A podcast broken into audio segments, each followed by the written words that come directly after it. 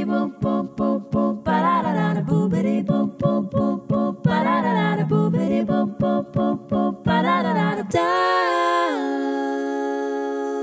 Velkommen til en ny episode av Forskningspolitikks podkast Filibuster. Gjest i dag er Jon Arne Røttingen, og vertskap er Per Kokk og Petra Andersen.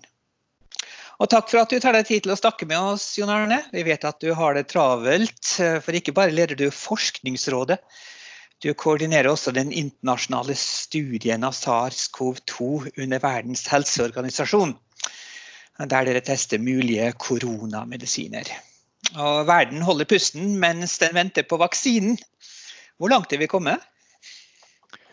Ja, når det gjelder, for det første, Tusen takk for å få være med. Det var Fint at dere har tatt initiativ til dette. Eh, så skal jeg prøve å ikke drive filibuster-tale. Eh, vaksineutviklingen skjer jo i et enormt tempo. Eh, utfordringen er jo at det er veldig mange vaksinekandidater som nå punkter konkurrerer mot klokka, og kanskje litt med, mot hverandre. Vi trenger mange kandidater, fordi all erfaring viser jo at selv om de er lovende på tegnebrettet, så er det få som kommer og er, viser seg å være gode i form av å være både trygge og effektive når de, hele utviklingsløpet er ferdig. Så vi trenger mange kandidater. Og per i dag så er det nærmere 130 ulike vaksinekandidater, slik det ser ut. Eh, hvorav nå snart nærmere ti er eh, startet i den såkalte kliniske utprøvingsfasen.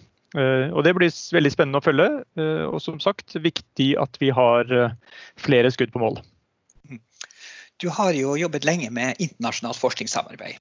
Og Det betyr at du også at du har jobbet i grenselandet mellom politikk og forskning. Og Det krever jo politiske grep her. I Norge har vi vel unngått en sterk politisering av forskningens plass i arbeidet med korona. Men i andre land og internasjonalt ser vi det motsatte. Verdens helseorganisasjon, som du da jobber opp mot, blir angrepet bl.a. USA, mens vi ser at Norges statsminister gir dem støtte. Eh, hva mener du vi kan gjøre for å løse slike konflikter og etablere gode rammer for den slags internasjonalt forsknings- og innovasjonssamarbeid?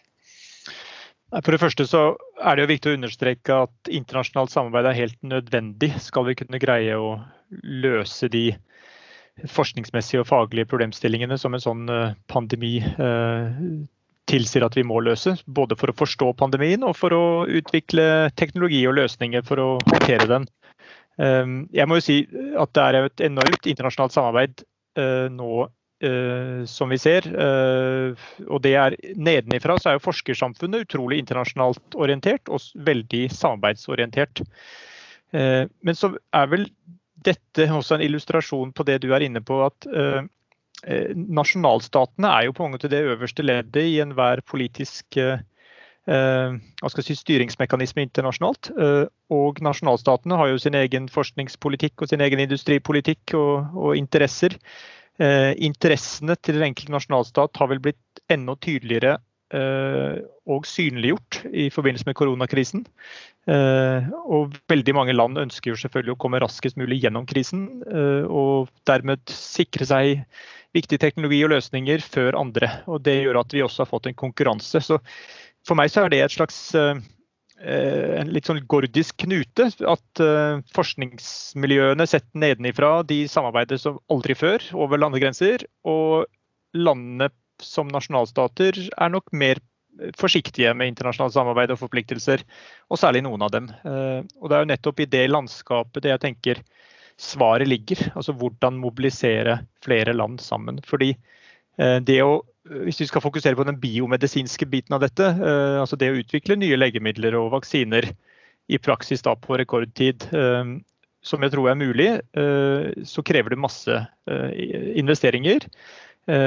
Og vi vet at veldig mange av de investeringene ikke vil være suksessfulle. og Det betyr at man må pule investeringene i felles mekanismer, slik at hvert enkelt land får mest mulig igjen for det. Så det er en slags hva skal jeg si, global forskningsforsikring man kan tenke man er med på når man går inn i internasjonalt samarbeid på dette. Eh, og eh, det er det mange land som ser verdien av. Eh, jeg er veldig glad for at Norge ser verdien av det. Det har Norge gjort tidligere i og for seg, gjennom å ha vært initiativtaker til etableringen av den organisasjonen som heter CEPI, Coalition for Epidemic Preparedness Innovation, som jo ble satt opp etter erfaringene med ebola-utbruddet i Vest-Afrika i 2014-2016, for nettopp å utvikle vaksiner og koordinere vaksineutvikling for epidemier hvor det ikke er et kommersielt marked. Og Det er jo nettopp den type organisasjoner vi trenger i tider som dette. Til Uniforum så sa du at verden burde vært bedre forberedt på pandemien. Men på mange måter så var vi vel egentlig ikke det. Og det ser ut til å være vanskelig å koble forskning og politikk ikke bare på globalt nivå, men også på nasjonalt nivå. I den forstand at politikere ikke følger opp det forskninga sier, og forskerne kanskje ikke er tilstrekkelig fokusert på samfunnets behov. Vil du si at vi fortsatt er fanga av en sånn tradisjonell reservoarbasert forståelse av forskning og innovasjon? Eh, Dvs. Si tanken om at du gir mer penger til forskerne, så kommer løsningene av seg selv? Eh, jeg mener jo at det er ikke én vei til målet når det gjelder forsknings- og innovasjonspolitikk. Eh, og at en reservoar eh, hva skal jeg si, paradigme er viktig som, som et, en viktig inngang til å satse på forskning og innovasjon. Man trenger parat kapasitet, parat kompetanse. I kriser som dette så er det jo nettopp kompetansen og kunnskapen i det brede forskningssystemet som er viktig. Ehm, så trenger vi i tillegg til det, eh, og det er på en måte den hva vi kan kalle bottom up forskning og innovasjon, enten om det er entreprenører i industrien eller det er uh, eksellente grunnforskere som finner på ideene selv og, og, har rom for å konkurrere om midler til det, så tenker jeg det er viktig. Altså begge aktører. Men så trenger vi også strategiske satsinger og målretta satsinger ut ifra der det er et veldig tydelig samfunnsbehov, hvor det er også hva skal jeg si, nasjonale og kommersielle muligheter for et, eh, for et, land eller en økonomi. Det jeg har pekt på i tillegg, det er vel at eh, vi trenger på mange måter en slags tredje vei eh, for forsknings- og innovasjonspolitikk i, under kriser. Og jeg har sagt at vi bør sette stab også i forsknings- og innovasjonssammenheng. Og faktisk styre investeringene nesten som et, et større industrikonsern ville gjort det. Eh, og Da handler det ikke faktisk lenger heller om å operere strategisk, men det handler faktisk om å sette eh, en, en veldig tydelig prioritering på hvilke kunnskapsspørsmål eh, og teknologibehov man har behov for, og drive kontrakts- eller oppdragsforskning, rett og slett. Fra en sentralisert og felles mekanisme. Fordi vi har bare et veldig kort tidsvindu. altså Både er tidsvinduet kritisk i forhold til at vi ønsker å håndtere krisen selvfølgelig som verdenssamfunn. Men i tillegg så har vi et veldig kort tidsvindu hvor det er mulig å gjennomføre en del av de uh, viktige stegene som, som uh, medisinsk teknologiutvikling krever. og Det er rett og slett å teste dem i real life. og Da må vi faktisk ha dem klar til å teste dem under utbruddet. Det gjelder legemidler og det gjelder vaksiner. For den sjansen kan gå fra oss, og da blir vi sittende uten den kunnskapen og teknologien tilgjengelig. Dette du sier nå jo henger jo også sammen med den jevne si, den reorientering av forsknings- og innovasjonspolitikk mot store utfordringer, som du bl.a. ser i EU-sammenheng. Eh, e og sånn sett så kan du si at korona er et ekstremt eksempel på en stor utfordring som du må møte. Eh, ved hjelp av en aktiv strategisk politikk. Vil du si at vi kan lære noe av korona her? At vi kan bruke det også senere etter at krisen er over i forsknings- og innovasjonspolitikken? Eh, ja, det tror jeg absolutt. Og det er jo, som du er inne på, i praksis en, en mission. Eh, det er et samfunnsoppdrag på mange måter som vi må løse sammen. Og samtidig så viser jo også erfaringene nå fra EU-kommisjonens arbeid med missions, og i og for seg erfaringene så langt med koronaresponsen på forskning- og innovasjonssiden, at det er et stykke fra tegnebrettet for hva missions bør være og, og kan være, og uh, til hvordan man leverer gjennomføring. Uh, jeg opplever foreløpig at uh, EU-kommisjonens fem mission boards sliter litt med å finne, finne form og finne gode modeller, eh, fordi det er vanskelig. Og jeg ser også at EU bruker nå en ganske lang tid på å rigge i praksis da eh, mission boards for de nødvendige delene av, eh, av en koronarespons. Og Det er i praksis det de ønsker å gjøre. Nå har de sagt at de vil koordinere sammen med de europeiske medlemslandene og også tilknyttede land som Norge, Sveits og en, en tydelig eh, strategi for å utvikle diagnostikk, legemidler og vaksiner. Eh, men det er krevende å få det implementert, ser jeg, i, i den prosessen så langt. I Norge har man også forsøkt med mission-orienterte virkemidler, bl.a. Pilot-E. Har vi trukket noen erfaringer derfra som man kan bruke i en sånn internasjonal kontekst? Ja, det har vi jo absolutt. Og Pilot E er jo en suksess på mange måter. Altså en suksess sett fra brukersiden, tror jeg. Hvis vi tenker det slik at de som ønsker å ha forutsigbarhet for å kunne på mange måter eh, levere eh, eh, innovasjoner og få gradvis tilsagn om støtte gjennom et virkemiddelapparat, at de har en felles dør inn og Eh, og en forutsigbarhet da, på en, en, tydelig slags stage-gating. Hvis de viser seg å nå milepæler, så, så, er de ganske sikre på å gå videre. Det, det, den fungerer bra fra et sånt brukerperspektiv, men den fungerer også bra fra et behovs- og samfunnsperspektiv på at vi faktisk får fram uh, gode løsninger. Og, og, flere viktige samfunnsomstillinger i Norge er jo drevet fram av uh, pilot E-prosjekter. Eh, jeg tenker bl.a. på det å ha utslippsfri eh, kystnær transport. Eh, altså vi snakker om utslippsfrie ferjer og hurtigbåter. Både på elektrisitet og hydrogen. Så jeg tror pilot E-erfaringene fra Norge er nyttige å bygge på. OECD bruker dem nå i en større Eh, hva skal jeg si, komparativ case-studie av eh, mission-orienterte tankeganger. Og eh, jeg håper de kan bringes ja, nytt, til nytte for videre politikkutvikling på dette området i Europa. Horisont Europa som kommer ganske snart, det nye store, fantastiske rammeprogrammet med det nære 100 milliarder euro. Fantastisk stort. De har ulike søyler, og de har en tverrgående del. Och där efterlyser man en bredare deltakelse och en styrking av det europeiska forskningsområdet för att förbättra forskningskvalitet. Um, och vill höra lite med dig, hur ska Norges forskningsråd samman med Innovation Norge påverka det europeiska samarbetet? Uh, kanske både reformera och förbättra uh, och vilka faktorer och vilka saker kan ni spela in på den europeiska banan för att eh, kanske öppna upp det lite konservativa forskningsklimatet i övriga Europa? Ja, det er et veldig stort spørsmål. Uh, uh, og Det arbeidet har jo startet for mange år siden i praksis. Uh, Horisont Europa er i ferd med å lanseres, håper vi. Om det blir 100 milliarder euro eller ikke, det, det er jo høyst usikkert, ikke minst i disse dager. Eh, vi har jo jobbet godt fra norsk side, altså både på tvers av alle relevante departementer og også på tvers av Innovasjon Norge og Forskningsrådet i forhold til å prøve å få en innretning på uh, rammeprogrammet som vi tror er hensiktsmessig. Uh, det, det, handler jo om å skape satsinger som er viktige for å omstille Eh, verden og for å omstille norsk økonomi. Eh, vi har vært veldig tydelige på det fra norsk side, de norske posisjonene. Eh, så Det handler på, en måte på innsatsen og innretningen. Og så har vi vært veldig opptatt av forenkling. altså Hvordan kan programmene og formalitetene rundt dem forenkles, slik at de blir minst mulig byråkratiske og transaksjonskostnadsorienterte. Eh, men det er jo et veldig bredt lerret eh, selvfølgelig, i forhold til det arbeidet.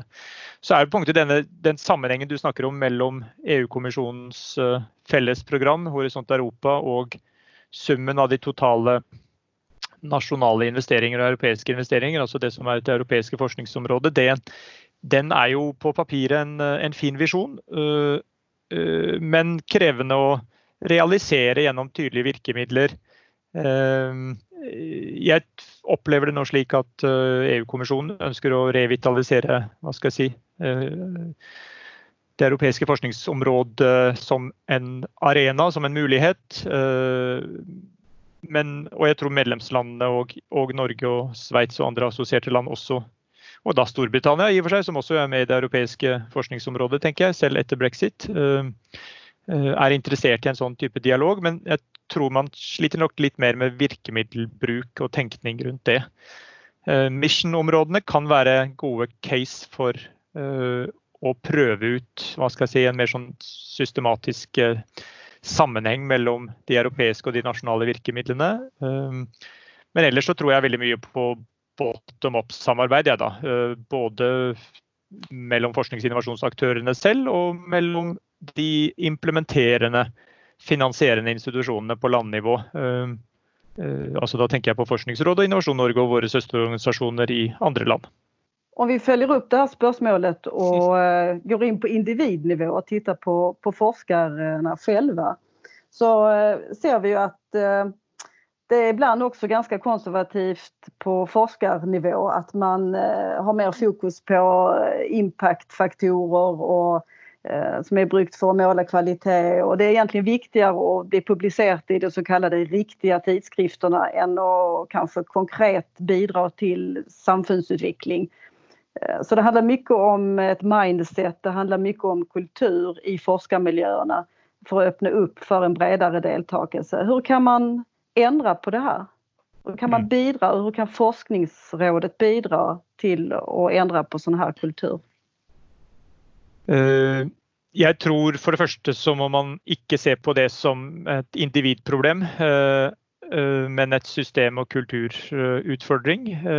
Jeg tror det er viktig å ikke punktet dytte det ansvaret på enkeltforskerne og, og si at dere må skjerpe dere.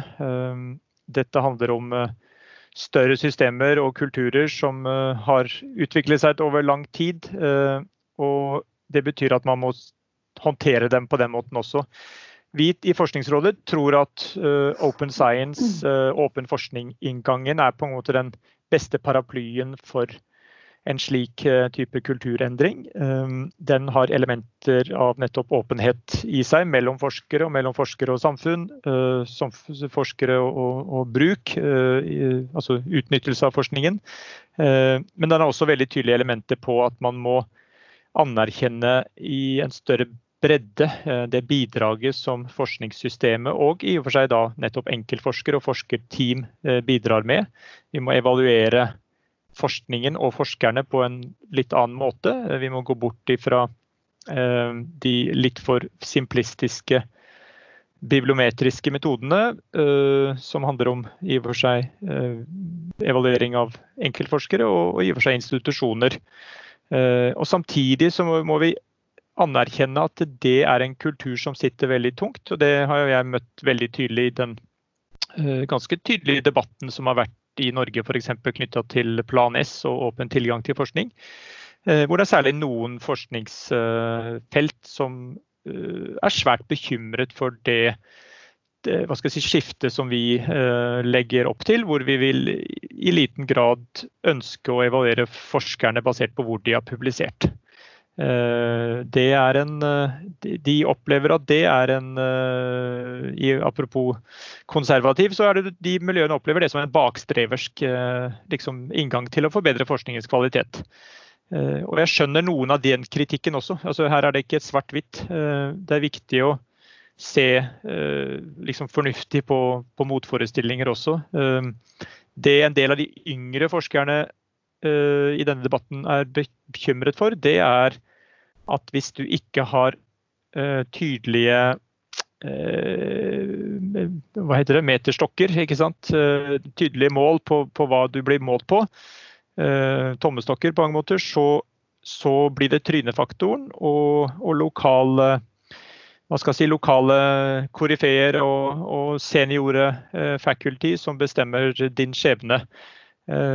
og det har, eh, det har, de dårlig erfaring med, sier de. Og de, de, peker også på kjønnsdimensjonen i dette. At det har en tendens til å eh, Altså ikke-objektive kriterier har en tendens til å skape også bias i en måte. Så, så dette er et, eh, et kompleks problemstilling som jeg tror vi bare må jobbe videre på.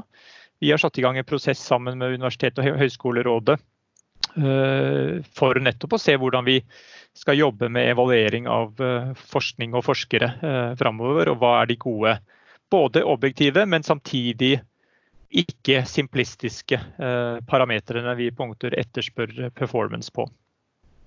Bare følge opp der. Dette gjelder jo, som du så riktig påpeker, et systemisk, det er et systemisk problem. En systemisk utfordring. Ikke enkeltforskeren, men systemet rundt dem, som gjennom insentivstrukturer, kultur og andre krefter tvinge deg, eller eventuelt stimulere deg til å gå i en bestemt retning. Hvordan er det med Forskningsrådets eget system der? Grunnen til at jeg spør er jo at du har vært igjennom en ganske radikal endring av Forskningsrådets måte å både drive med utlysninger og søknadsbehandling på.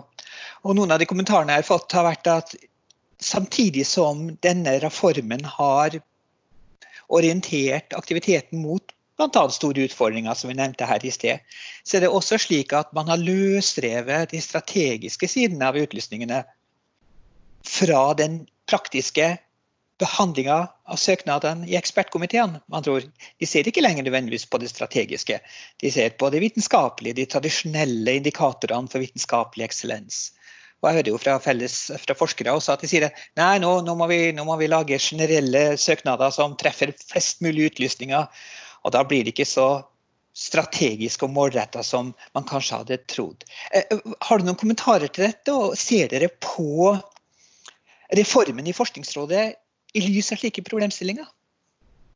Ja, altså Reformen i Forskningsrådet er jo vi midt i gang med, tenker jeg. Vi er jo under først, vi kan kalle det fortsatt en første fase implementering. Eh, det eh, jeg har ønsket å få til, det er en større grad av likeverdig, likeverdighet og hel, altså likeverdighet, likhet i behandling av søknadene på tvers av våre utlysninger og budsjettformål. Og i praksis da, som du egentlig er inne på, eh, frikoble og dekoble de ulike del, vurderingselementene som vi legger til grunn, eh, fra hverandre. Eh, slik at ikke alt sauses sammen i, i, i punkter én type vurdering. Men det betyr ikke at man ikke eksplisitt nettopp skal ta strategiske, både gi strategiske føringer utlysning og ta strategiske Eh, valg når man velger eh, søknader for de utlysningene som har veldig tydelige strategiske målsetninger. Eh, så man må skille på en måte mellom den, den delen av prosessen som handler om en felles vurdering av prosjekter av internasjonale fageksperter, og den delen av prosessen som handler om å vurdere hvor godt prosjektene svarer på utlysningens spesifikasjon og formål, og, og det som da midlene er bevilget til. Eh, så tror jeg ikke vi har fått dette til perfekt eh, i første runde. Og så er det selvfølgelig Forskere er jo, som du var inne på, insentivstyrt og altså styrt av muligheter. Det er ikke sikkert det er et klok valg å prøve å gjøre søknaden din mest mulig generisk, slik at den skal passe til alle budsjettformål. Det er jo et valg den enkelte forsker må, må selv velge å ta. Vi har sagt at hvis du opplever at din søknad er relevant for flere utlysninger, så skal du få lov til å indikere det, og du vil kunne få konkurrere om flere pengepotter. Eh, men det viktigste er jo å ta utgangspunkt i hvilke problem du ønsker å bidra til å løse, enten om det er et kunnskapsspørsmål eller det er et anvendelsesområde, og levere en topp søknad på det. Men hvis den første sorteringa foregår i ekspertgruppene, hvor jo la oss si, de akademiske insiderne dominerer, er det ikke da en fare for at du sorterer bort ganske mange nye, radikale grep som ikke passer inn i deres eh, mer tradisjonelle virk eh, virkelighet? Eh, ja, nå hører jeg at du har fordommer til forskere, ja. forskereksperter. Så det, og det kan jo dels være riktig. Jeg tror Det er faktisk en utfordring alle forskningsråd har. At man er redd for at ekspertvurderingene er for konserverende, og at det blir for lite risiko i de investeringene som Forskningsråd gjør generelt. Fordi eh, desto flinkere vi blir til en kriteriebasert utvelgelse av prosjekter, desto mer uniforme og konforme blir vi som eh, investorer på mange måter. Eh, så det er et utviklingsarbeid både vi og andre forskningsråd arbeider med. Det er jo nettopp på hvordan identifisere identifiserer. de grensesprengende og kanskje utfordrende prosjektene som ikke nødvendigvis alle fageksperter eh, vil, eh, vil punkter ha tommelen opp for. Eh, samtidig så er vi jo opptatt av å investere i prosjekter som er faglig, er faglig solide, har god kvalitet og som har godt potensial for å lykkes. Så jeg mener at det bør ikke være et, et enten-eller. Enten så velger du crazy ideer fra Eh, prosjektsøkere som ikke eh, ses, ses av eh, si, konservative gamle professorer som sitter i panelene og satser på at det skal gå bra. Eller så velger man på en måte kjedelige, konforme søknader fra unge akademikere som har kun tenkt å gå den rene akademiske karrierevei. Verden er mer kompleks enn som så. Eh, Forskningsrådet och Innovation Norge vill ju vara huvudaktörerna i den här nationella stöttapparaten för Horisont Europa. Och där ser vi att det är ett økt fokus på och, och värdiskapning och innovationer i praxis. Mener menar du att eh, Norges forsknings og innovasjonspolitikk er godt balansert for å få til et solidt samarbeid mellom forskning og näringsliv? Och hur får vi till ett godt samspill mellan olika virkemidler? Uh, ja. Altså, det, det, er jo et kort svar. Uh, nei, jeg tror vi har et, faktisk et ganske godt uh, balansert system i, i Norge. men jeg tror ikke vi får ut det potensialet. Altså, skal være helt ærlig. Vi får ikke ut det potensialet som er. Men vi har virkemidler for å kunne få ut det potensialet som er. Og så må jeg oppleve at vi har Eh, er, er, et helt annet sted i dag enn for ti år siden i forhold til eh, både bedriftenes, men ikke minst forskningsmiljøenes eh, interesse og villighet til nettopp et, eh, et samarbeid mellom forskningsinstitusjonene og privat sektor. Eh, vi har eh, sant, aldri hatt så mange si, kommersialiseringsideer kommet ut fra våre universiteter og forskningsinstitutter. Så det, veld, det ligger veldig godt til rette og så er nok eh, Jeg tror nok på mange måter at utfordringen i Norge kanskje ikke så mye nå ligger på å motivere forskningsmiljøene og til et slikt samarbeid, men det er faktisk mer på kompetanse i den finansielle delen av, av, av dette innovasjonssystemet på mange måter. Altså jeg tenker på tilstrekkelig eh, risikovillig kapital eh, i privat sektor, som jo må være hovedaktørene for å skalere spennende satsinger til et eh, nødvendig nivå. Eh, og, der har vi nok i Norge en, en veldig si, sterk kultur mot våre sterke næringer. Eh, og da handler det også om finansmiljøenes kompetanse.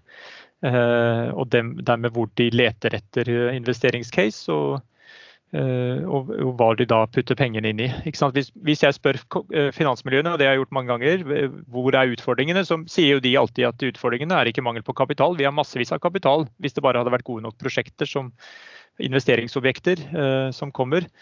Og snakker jeg med eh, gründerbedrifter eller andre innovatører, så sier de det er mangel på kapital. Og da er det jo eh, en, en to realiteter som ikke helt har funnet sammen. Eh, Eh, og det tror jeg faktisk er en stor utfordring i Norge. Eh, og en utfordring som er veldig annerledes i Norge enn i Sverige. Det ser vi både på volumet av venturekapital som er tilgjengelig, eh, og så ser vi det på profilen i vår næringsstruktur og i vår eksportstruktur. At vi er mye spissere i Norge, monokulturelle på mange måter, mens Sverige har en mye bredere base, som også betyr noe i forhold til finansmiljøenes kompetanse til å investere. Det har säkert å gjøre med kompetanse og ikke minst kommersialisering. Når vi har sett på undersökningar från TTO för exempel så den verdien som kommer ut der er ikke så stor som man skulle kunne få ut. Um, och hva er dine kommentarer til det når det gjelder hele det arbeidet, kommersialiseringsarbetet? Hur kan ni bättra på fra Forskningsrådet for å styrke den den utvecklingen. Mm. Ja, det, det, har vært en TTO-debatt. Det er jo interessant i seg selv. Det er jo vel få som har eh, tenkt at vi ville få en, en offentlig TTO-debatt i Norge for noen år siden. Bare det i seg selv er jo et, eh, et positivt uh, signal, tenker jeg. At det faktisk er generell medieoppmerksomhet om teknologioverføringskontorene på forskningsinstitusjonene.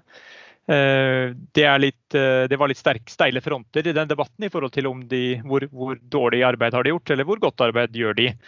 Eh, jeg tenker at det viktigste vi må få ut av den, den debatten, det er at dette er et viktig samfunnsoppdrag for forskningsinstitusjonene. Altså, de må ta et veldig tydelig ansvar for at dette må de levere på. Og så må de se det som en samfunnsmessig oppdrag, og ikke nødvendigvis et si, et bedriftsøkonomisk eh, lønnsomt oppdrag for den enkelte institusjon. Eh, eh, det, det, viser jo veldig masse data fra verden i stort. Det er, det er jo veldig få institusjoner som tjener penger på sine TTO-er og sin, sin IP globalt. Men, men, samfunnet som helhet tjener jo masse på det. og da må vi være villige til å punkter å investere i faktisk de funksjonene. Og, og i og for seg tenke å feire nasjonalt på mange måter de, de, få suksessene som vil i stort komme ut av et sånt system. Fordi det, altså selv, selv ser vi til San Francisco eller Boston-områdene. Så, så det, det, er, det, er, langt mellom de store suksessene kommersielt. Eh, hvis du ser på volumet av spin-outs fra de akademiske institusjonene i de to områdene, eh, og de pengene som har gått inn i det, og det som har kommet ut kommersielt, så, så må vi Ja. Det, det, det, er lenge før vi Altså det, det er, er, Du krever veldig store investeringer eh, og veldig mange case for å få en, en økonomisk suksess ut av det. Eh, og det kan du kun se på samfunnsnivå, ikke på institusjonsnivå. Det er jo de som har sett på TTO-enes rolle som en form for restfaktor. Med andre ord, systemet på mange måter fungerer veldig bra. Professorer snakker med bedrifter, og bedrifter jobber sammen i prosjekter under Forskningsrådet. Men det er visse ting som ikke blir fanga opp av det systemet, og det tar TTO-ene seg av. Og at det dermed kunne være litt urettferdig å anklage dem for å være mislykket i den forstand de ikke får til nok kommersialisering. Men det er mer en kommentar. Jeg lurte på, Nå har vi snart brukt opp tida di her. Men jeg har lyst til å komme litt inn på dette med Forskningsrådets eh, rolle som forskningspolitisk læringsarena og forskningspolitisk rådgiver. Dere har bl.a. etablert to sentre som ser på forholdet mellom forskning og samfunn. Et som heter Digitalt Liv Norge, og et senter for ansvarlig forskning og innovasjon, Afino. Og Der ser man på samspillet mellom forskning og samfunn. Man vurderer positive og negative effekter av forskning. Man ser på nye metoder for å bruke fremtidskompetanse i forskningsprosesser og policyutvikling. Og Dere jobber også sammen med Vinova i Sverige og Business Finland i Finland om et prosjekt for transformativ innovasjonspolitikk. Eh, hvordan ser du på Forskningsrådets rolle som en forskningspolitisk aktør og rådgiver, altså utover direktoratsrollen, men inn i denne kanarifuglen til Grøholt-utvalget, altså denne rollen som en pådriver i den forskningspolitiske debatten? Ja, fordi eh, altså Direktoratsrollen innebærer jo også i og for seg en faglig rådgivning oppover, tenker jeg. Altså, det er generelt også en viktig funksjon til i bredden av direktorater. Eh, Forskningsrådet har nok aldri sett seg selv som et direktorat. og Gud forby. Jeg tenker Hvis uh, forskerne i Norge uh, ser det som et direktorat, så tror jeg det fort blir et skjellsord. Uh, men jeg ser jo på måter, jeg ser det likevel motsatt. Altså jeg tenker at faktisk en, en, en, god faglig direktoratsfunksjon som rådgiver opp til myndighetene, men da som en rådgiver, det er, det er viktig. Men jeg forstår nesten spørsmålet litt, nesten litt mer som en, en, ikke bare som en rådgiver, men som en aktør. En, som implementerer, en som setter i gang ting som skaper effekter, og som man får lære av. Og, og det eh, tenker jeg også er en viktig rolle. Eh, og det kan vi gjøre dels gjennom hvordan vi opererer, eller vi kan gjøre det dels gjennom det vi investerer i, som igjen kan generere kunnskap om forsknings- og innovasjonssystemet. Jeg tror, jeg, må, jeg tror på en måte at jeg må si at de tre årene jeg nå har vært leder i Forskningsrådet, så har vi ikke vært veldig innovative i form av å gjøre nye ting og liksom bruke hva skal jeg si, eksperimentelle metoder eller uh, liksom finne ut av, av, uh, av, veien mens vi går. Uh, vi har jobb, brukt mye tid og kraft på en konsolidering, en, en forenkling, en mainstreaming internt. nettopp, ikke sant, nesten nesten redusere pluralitet og, og heterogenitet internt uh, for å bli mer effektive, for å kunne levere mer i stort uh, på totalportefølje. Uh, og faren med slik, en slik oppmerksomhet er jo at kapasiteten til å være utprøvende og mer lærende i det små blir svakere. Og det, det tror jeg vi, altså det, det, er en nedside som jeg er veldig bevisst på, og som jeg tror er, er reell.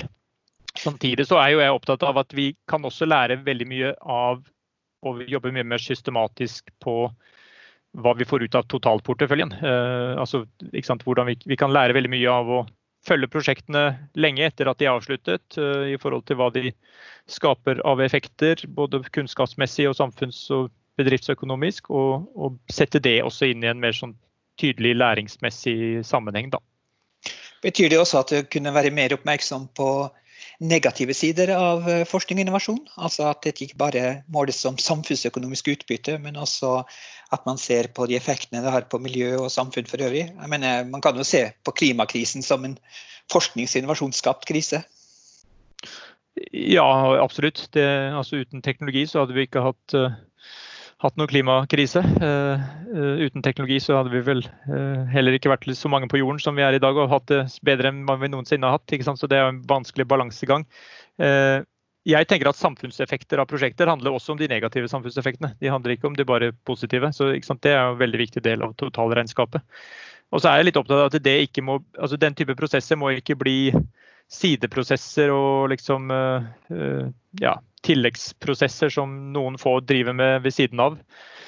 Det var jo litt sånn i, når jeg selv var forsker, at man eh, i, i, noen internasjonale prosjekter liksom alltid måtte ha med den type elementer. Og så ble det i praksis eh, Vi henter inn noen etikere eller noen samfunnsvitere som, som skal se på eh, for, for, en liten brøkdel av forskningspengene i det totale prosjektet, og, og skal se nettopp på de samfunnsmessige implikasjonene Eh, det, det, det, er jo ikke sånn vi må jobbe. Vi må jo på en måte integrere dette i forskningsprosessen og innovasjonsprosessene. OECD gjennomførte med, eh, eller på oppdrag av KMD i høstas en workshop kring framtidsrettet innovasjon eller anticipatory innovation. Eh, och Forskningsrådet, du var med bland annat där tillsammans med administrerende direktør i Innovation Norge och så vidare, olika direktorat. Eh, där snackar man mycket om att väkta portföljen, akkurat som du nämnde, och att man också inte bara jobbar eh, adaptivt eh, utan att man faktiskt tør å teste ut nytt. Är det en strategisk diskussion som dere har i Forskningsrådet att avsätta lite midler för mer exploratory, anticipatory experimentell verksamhet i eh, antingen projekt eller utlysninger eller annet format. Ja, eh, den workshopen hadde jo fire ulike si, eh, innovasjonsmodeller som jo ikke er gjensidig utelukkende, men, men, må befrukte hverandre. Jeg er absolutt veldig opptatt av at særlig innovasjonsprosjekter som drives av innovatørene selv, med eierskap hos innovatøren. Altså, da tenker jeg enten om det er en kommune eller en offentlig etat eller det er en bedrift, at de må ha et, et, liksom, et, et bredde i, i, sin måte å gå inn i prosjektene på. Uh, ikke bare sant, uh, i praksis man skal si, ha tenkt på løsninger i forkant og, og i praksis bare bruke forskningsinstrumenter for å skaffe seg svar på, som, som, samsvarer med de, den, den, løsningen de har sett for seg.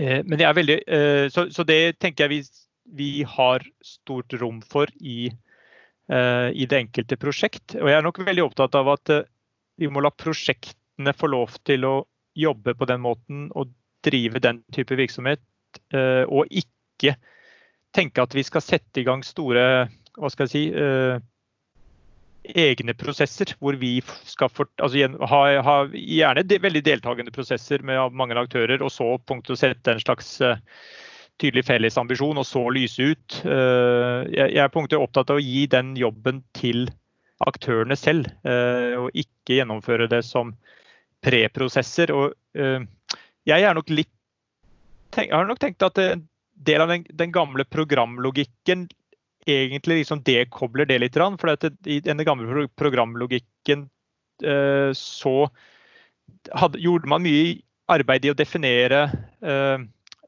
innretning på programmet, de konkrete problemstillingene som skulle løses osv. Men det ble en, i en engere krets, eh, og kanskje ikke av de som egentlig hadde skoen på. Uh, så jeg er mer opptatt av å dytte det arbeidet ut til prosjektene. Uh, og heller da sette mindre betingelser og, retning fra selve utlysningstidspunktet, men mer stille, større krav til involvering og deltakelse i enkeltprosjektene. Og så ser jeg at på noen områder så er kanskje enkeltprosjektene for små. At det blir for lite for små entiteter og strukturer for samarbeid, og at vi der må tenke større, altså noe mer som paraplyer. Og da kan jo si, det vi nå lander på av mulige mission-orienterte satsinger i Norge, være en sånn type modell hvor man skaper det sammen i, i større satsinger. Når det gjelder det nasjonelle økosystemet for forskning og innovasjon. Om du hadde fått ønske deg et virkemiddel eller eh, en arena eller en annen typ av arkitektur på nasjonell strategisk nivå. Vad hade du önskat dig för att styrka forsknings och innovationssamarbetet? Uh, nei, jeg, jeg, tror det å jobbe videre for å finne noen gode modeller for hvordan vi uh, arbeider mission-orientert på tvers av uh, i og for seg forsknings- og innovasjonsvirkemidlene på den ene siden, men også på av helt andre aktører som ikke normalt vil se seg selv som innovasjonsaktører. At vi kunne rett og slett prøve ut det på noen områder. Eh, at det hadde vært et interessant virkemiddel. For det, da tror jeg som sagt at vi, vi, trenger å finne noen nye veier sammen. Eh, og jeg ser ikke på det som, eh, som satsinger, for å si det sånn. En forskningssatsing alene. Det, en, det vil være en ny måte å arbeide på. Takk skal du ha. Takk for at du tok deg tid til å snakke med oss. Veldig hyggelig å være med. Dette har vært en episode av Filibuster, en podkast som utgis av fagbladet Forskningspolitikk og forskningsinstituttet NIFU. Vertskap er Petra Andersen og Per Kokk. Du finner mer om bladet og podkasten på fpol.no. Der kan du også abonnere på papirutgaven av Forskningspolitikk. Abonnementet er gratis. Kjenningsmelodien er fremført og komponert av Lene Andersen Vinje. Forskningspolitikk utgis med støtte av Norges forskningsråd. Boobity, boop, boop, boop, boop,